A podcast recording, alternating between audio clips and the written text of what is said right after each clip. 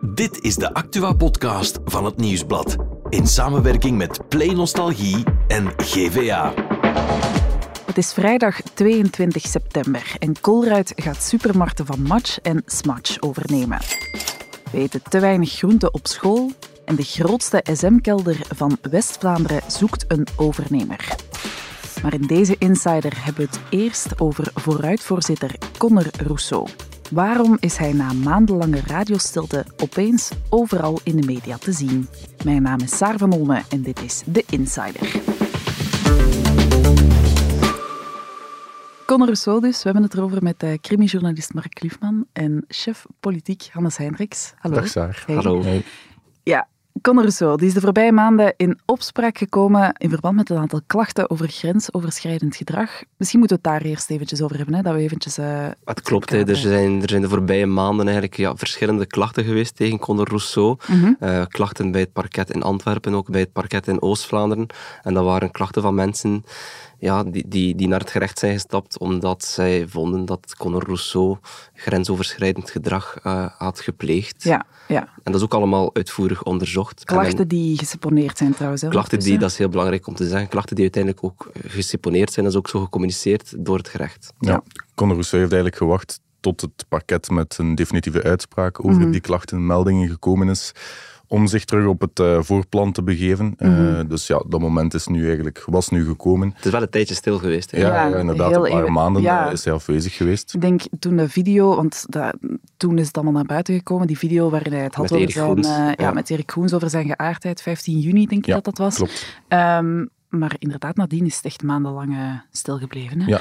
Gisteren, het ging niet alleen over eh, die klachten over grensoverschrijdend gedrag, maar er is ook een ander onderzoek naar hem gestart. Ja, het is, het is iets wat de voorbije dagen al een beetje speelde. Mhm. Ehm, het is zo dat eh Conor Rousseau die was begin september eh, naar een, ja, had een avondje uit in Sint-Niklaas. Hij zijn thuisstad. Dat waren de Vredesfeesten, heette dat festival. Ja. En hij was daar tot in de late uurtjes. En wat er gebeurd is, zover bekend, is dat er ja, in het holst van de nacht eigenlijk, heeft hij op een gegeven moment enkele politieagenten aangesproken. Oké. En weten we wat hij daartegen gezegd heeft? Wel, op, ja, op een gegeven moment zou hij dan plots chockerende uitspraken hebben gedaan Mhm. ten aanzien van eh, ja, een bevolkingsgroep, ten aanzien van de Roma-gemeenschap. Oké, ja.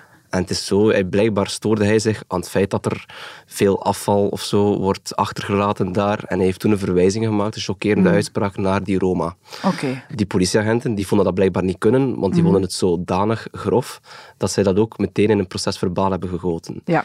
En dat is wel belangrijk, die, dat procesverbaal heeft ook een kwalificatie gekregen om het, ja, als, het- als het over een misdrijf gaat. Mhm. Ehm, en dat gaat rond racisme en xenofobie. Oké, ja, dat zijn wel heftige dingen die dan erbij Ja, zijn gekomen. en dan natuurlijk wordt dat ook overgemaakt aan het parket. En Mhm. zij hebben dan beslist om daar een, een onderzoek naartoe te starten. Oké, dat is dus wat we daarover weten. Ja, Ehm, denk je dat daar wel nog gevolg aan gegeven kan worden? dat is voorlopig nog een beetje vroeg. Hè. Het is ook zo, Conor Rousseau die is ook nog niet ondervraagd over, over die avond. Dus dat zal waarschijnlijk de eerstvolgende stap zijn. En hij heeft ook zelf te kennen gegeven dat hij nog niet echt is ingelicht van het parket over dat procesverbaal. Mhm. Dus ik veronderstel dat ze hem daar eerst mee gaan confronteren en kijken wat er nu effectief gezegd is. Ja. Ehm, nu, het kan natuurlijk wel. Hè. Het, is, allee, eh, het parket kan daar ernstig aan tillen. Ja. Het verschil met die andere klachten is bijvoorbeeld dat zijn meldingen geweest door andere mensen. Hier Mhm. is het procesverbaal opgesteld Door door, de politie, politieagenten, ambtshalve. Mm. Het kan zijn dat het parket daar dan zwaarder aan tilt. Bovendien, dat is ook wel niet onbelangrijk, zouden de, de uitspraken zouden ook gefilmd geweest zijn met een bodycam. Oké, ja. Dus dat kan misschien ook iets ondersteunend zijn Mhm. in het bewijsmateriaal, zeg maar. Oké, dat valt dus nog af te wachten. Ja. Kun je hier voor heel Vlaanderen met je hand op je hart zeggen dat je nooit strafbare feiten eh, hebt gepleegd? Ik kan u in de ogen kijken en zeggen met mijn hand op mijn hart, volgens mij echt niet. En dat je ten opzichte van sommige mensen grenzen hebt overschreden? Maar kijk, waar ligt uw grens? Waar ligt mijn grens? Dat is voor heel veel mensen anders. Dat is een heel complex gegeven. Het belangrijkste daarin is dat je aangeeft wanneer een grens wordt overschreden. In geen enkele van de drie zaken, en dat staat zwart op wit, heeft iemand aangegeven dat er een grens overschreden was. Omdat er ook geen grens overschreden was, maar het is mij zelfs nooit aangegeven geweest. Ja, je hoort Conor Rousseau hier in de tafel van Gert. Hannes, je hebt hem ook gesproken. Ja. En het was eigenlijk de bedoeling dat jij daar gisteren ook zou zitten, heb ik begrepen. Ja, inderdaad. Dat is natuurlijk het, Vertel. het, het format van de tafel van Gert, dat er Mhm. zes mensen zitten. eh, en ze hadden eigenlijk in gedachten eh, dat Conor Rousseau daar zijn verhaal ging ko- komen doen, maar dat er wel iemand was om dat verhaal dan te analyseren, te toetsen eigenlijk aan de werkelijkheid. Ja, ja. En daarvoor hadden ze inderdaad mij gevraagd. Maar Conor Rousseau heeft dat, heeft dat geweigerd. Dus heeft de tafel van Gert een eigen format in de vuilbak gekieperd. Om dus een één-op-één gesprek eh, tussen Gert en, eh en Conor Rousseau toe te staan. Mhm. Omdat Conor Rousseau niet echt tegengesproken wou worden. En bon, dat is wel iets wat we steeds vaker zien terugkomen bij politici. Maar nu toch, eh, vooral bij Conor Rousseau, die echt zijn mediastrategie ervan heeft gemaakt. Want Ja. hij zat niet enkel in de tafel van Gert, hè, Het inderdaad. was, jij hebt hem gesproken, maar heel wat andere journalisten hebben hem gesproken. klopt. Hij was opeens overal te zien. Hij heeft eh, elf verschillende eh, kranteninterviews gegeven. dat is Eigenlijk. gigantisch Was er iemand die geen interview kreeg? Eh, dag allemaal. Eh, ja. Dag allemaal, oké. Maar die, die gaan nog komen. Ja. Die hebben Hmm. het zelf geweigerd. Ze, ze kregen eigenlijk ook wel de kans. Ja. Ehm, maar dus ja, op een gegeven moment, eh, als ik het interview ging doen met Conor Rousseau, eh, ik ging daar naar buiten en kwam de journalist van de morgen binnen. Het was bijna zoals bij de slager, dat je een bonnetje moet tekenen. Ja, ja, ja. Iedereen mocht apart Ja, binnen, iedereen ja. stond in de rij. Ja, inderdaad, ja. Dus het is echt wel een mediastrategie van Conor Rousseau geweest. Kijk, ik ga één keer mijn verhaal doen over dat grensoverschrijdend gedrag, die meldingen die er zijn geweest, en dan ga ik dat achter mij laten. Want inderdaad, dat was wel opvallend. Hij heeft eigenlijk overal dezelfde dingen gezegd. Hè? Ja, klopt. Ja, inderdaad. Eh, Als het dan ging over die meldingen, eh, het grensoverschrijdend gedrag, ik denk dat velen ook inderdaad wel dezelfde vragen eh, hebben gesteld.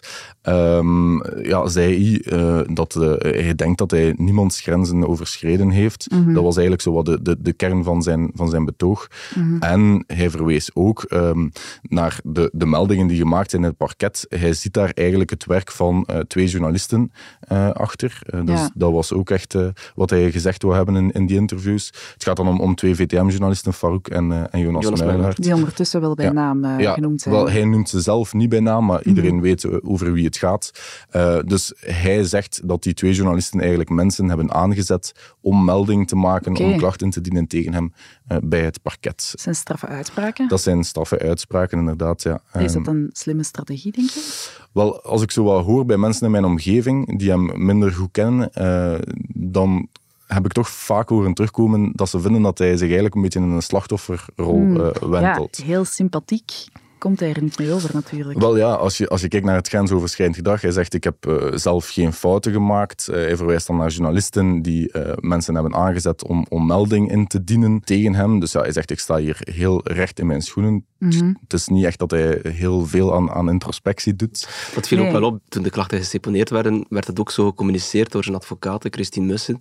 Was er ook een duidelijke verwijzing naar die journalisten die het dan min of meer hadden opgestookt. Blijkbaar. Ja, ja, ja. Zo, zo kwam het over dan. Ja, inderdaad. En als hij ook terugspreekt over de coming out, hè, waarmee alles eigenlijk begonnen is, dan zegt hij ook weer dat hij eh, zich gedwongen voelde om die coming out te doen. Dat hij dat eigenlijk niet had willen doen, maar dat journalisten continu hem aan het bellen waren van ja, eh, kom nu toch eens uit de kast. Ja. Ehm, dus ja, je voelt wel eh, dat hij zich als slachtoffer opstelt in het hele eh, verhaal rond grensoverschrijdend gedrag, maar ook nu weer in de, in de case rond Cindy Klaassen. ja, ook daar heeft hij over gesproken. Hè? Over Uiteraard, want ja, natuurlijk, iedereen heeft hem dan om een reactie gevraagd toen bekend raakte dat dat proces verbaal rond racisme was opgesteld. En hij heeft eh, meteen ook interviews gegeven en, en letterlijk ook voor de camera gezegd van kijk, ja, het, het klopt, ik had die avond te veel gedronken, dat, is- Ja. dat, dat, dat staat vast. Ehm, en ja, maar in zijn herinnering was het, was het niet racistisch. Volgens hem was het allemaal ja, vriendelijk, amicaal, dat gesprek met de, met de politie. En ja, ik kan zich niet echt herinneren dat hij daarover de schreef zou gegaan zijn. ja. Maar goed, dat zal het gerecht natuurlijk moeten Ja. uitklaren of dat zo is. Dat Eh, is natuurlijk de vraag. ja. Wat wint hij hierbij? Niet veel, denk ik. Ik denk dat Nee. hij niet veel zieltjes gewonnen heeft. ehm, omdat ja, hij wil niet dat het over grensoverschrijdend gedrag, over de klachten, over de meldingen gaat. Maar daar gaat het automatisch wel Maar over, daar gaat het inderdaad automatisch wel over. Ehm, hij, hij probeert het altijd, dat was in ons gesprek, in het interview dat ik met hem had ook. We hebben zelfs eigenlijk een klein beetje een discussie gehad tijdens het interview. Want hij wou het continu op de politiek trekken en op Vivaldi en de Vlaamse regering. Dit. En jij Ik dacht zei, maar eerst. Ja, ik was continu van, ja, maar ik wil wel eerst vragen stellen over Ja, die ja, meldingen. Ja. over die... dat Toch is- weer die eigen touwtjes in handen Ja, hij wil nemen. echt de touwtjes in handen nemen. Want ehm, ja, dat was ook de vraag die vanuit Conder gesteld is, om in de interviews die dan verschijnen, om het ook toch sowieso over politiek te hebben. Mhm. Er zijn echt zware discussies geweest tussen Conor Rousseau en journalisten de afgelopen week. Ook met andere media heb ik vernomen.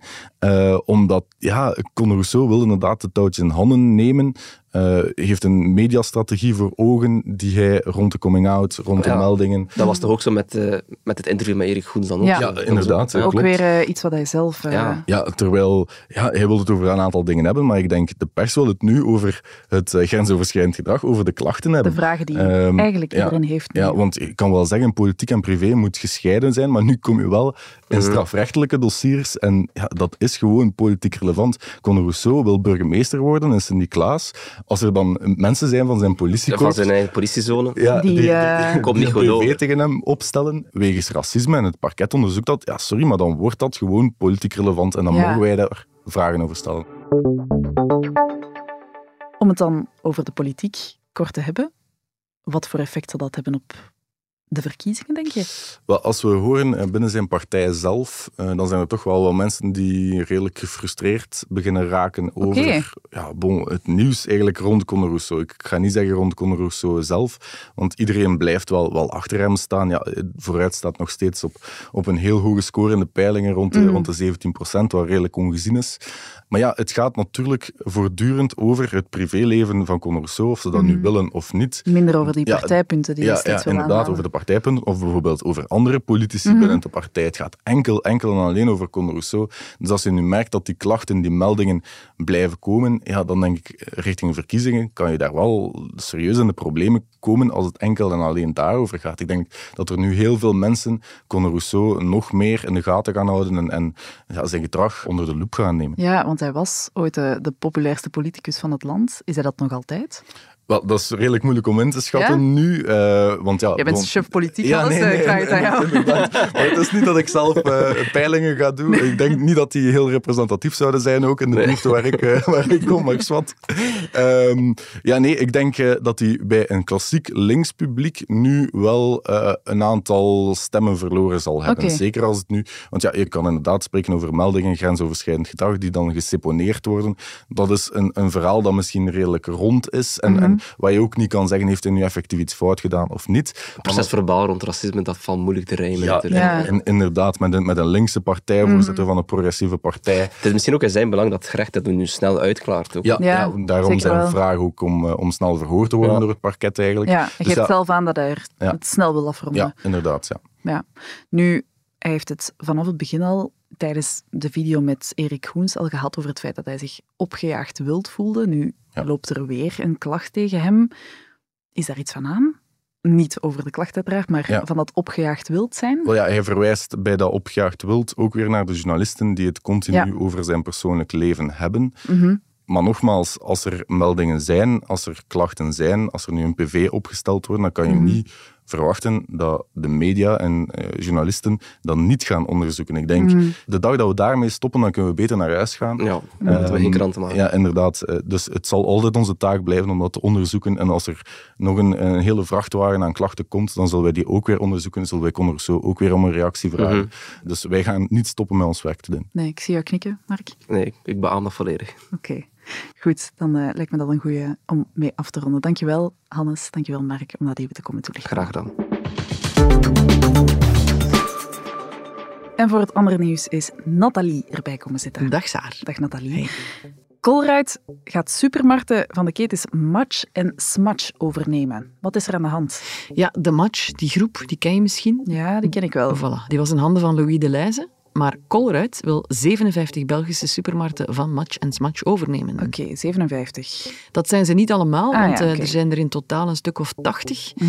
Maar het gaat vooral over die 1069 werknemers Ja, natuurlijk. wat gaat er met hen gebeuren? Die mogen blijven. Die mogen blijven Hmm. bij een van de filialen van Colruyt. Maar minder goed nieuws is er voor de ondersteunende diensten van Match en Smatch Mhm. en bij de winkels die niet overgenomen worden. Ja, Want daar zijn toch wel 690 banen bedreigd. oké. Dat is dus nog even afwachten. Voor wanneer is dat dan? Wel, de Belgische mededingingsautoriteit die moet de deal nog goedkeuren. Oké. Colruyt hoopt die deal af te ronden in het eerste kwartaal van 2024 wel. Oké, dat is snel. En dan over naar de scholen. Want die zouden te veel ongezonde voeding serveren. Ja, die moeten ook eens gaan shoppen. Dat blijkt uit onderzoek van het Vlaams Instituut Gezond Leven. Niet genoeg groenten op het bord op school. En dan is het logisch dat de minister van Welzijn en Volksgezondheid, Hilde Krevits, daar iets over te zeggen heeft. Je ziet dat er ook nog heel veel vlees op het schoolmenu staat en dat het bijzonder, bijzonder moeilijk is om de frietjes te laten vallen. Alhoewel de aanbeveling in de scholen toch wel gevolgd wordt om eh, niet meer dan één keer per week frietjes op het menu te zetten. Dat klinkt niet goed. Nee, hè? Nee. Nee, dat is waar. Maar er is wel ook goed nieuws, want de scholen bieden wel genoeg kraantjeswater aan. En er mag ook tijdens de lessen gedronken worden. Oef, dat is Ja. al toch iets. Dan gaan we over naar het regionieuws. Nathalie. Ja, Saar, eh, heb jij ooit al eens gedacht aan een carrière-switch? Niet echt, ik ben heel graag journalist. Dus nee, niet echt eigenlijk. Oké, als je ja had gezegd, dan was dit speciaal. Want voor iedereen die wel eens totaal iets anders wil doen, Oké. eh, eh, luister goed, want de grootste SM-kelder van West-Vlaanderen staat te koop. De grootste SM-kelder van West-Vlaanderen. Ja, Club 51 heet die. Eh, Mhm. Het is een mythische club in het centrum van Menen. Oké. En dat is een nette, deftige club, naar het schijnt. Hè. Ik heb het ook maar van horen zeggen. Ja, ja. Met eh, thematische kamers. Je kan, als je wil, foto's ervan bekijken op nieuwsblad.be of in de app. Ehm, er is zelfs een hele roze kamer, zo heel Barbie. Dat is in Barbie tegenwoordig. En je kan ook exclusief drankjes drinken. Het is er allemaal heel netjes. Want de uitbater die respecteerde naar eigen zeggen altijd ook alle regels. Maar die uitbater die stopt er dus mee dan. Ja, want die nachtelijke uurtjes die beginnen door te wegen. En hij zoekt dus een overnemer, maar tot die gevonden is, houdt hij de club nog wel open. En wat die vacature nu precies inhoudt, wat de voorwaarden zijn en zo, ja, dat, houdt hij ook nog een beetje vaag. Daarvoor moet je, denk ik, eens langs gaan daar in Menen. Hmm, mysterieus. Ik denk dat die heel veel volk over de vloer gaan krijgen. Ja, dat is goede promo, denk ik. Oké, dankjewel Nathalie. Dan zijn we er maandag weer met een nieuwe Insider.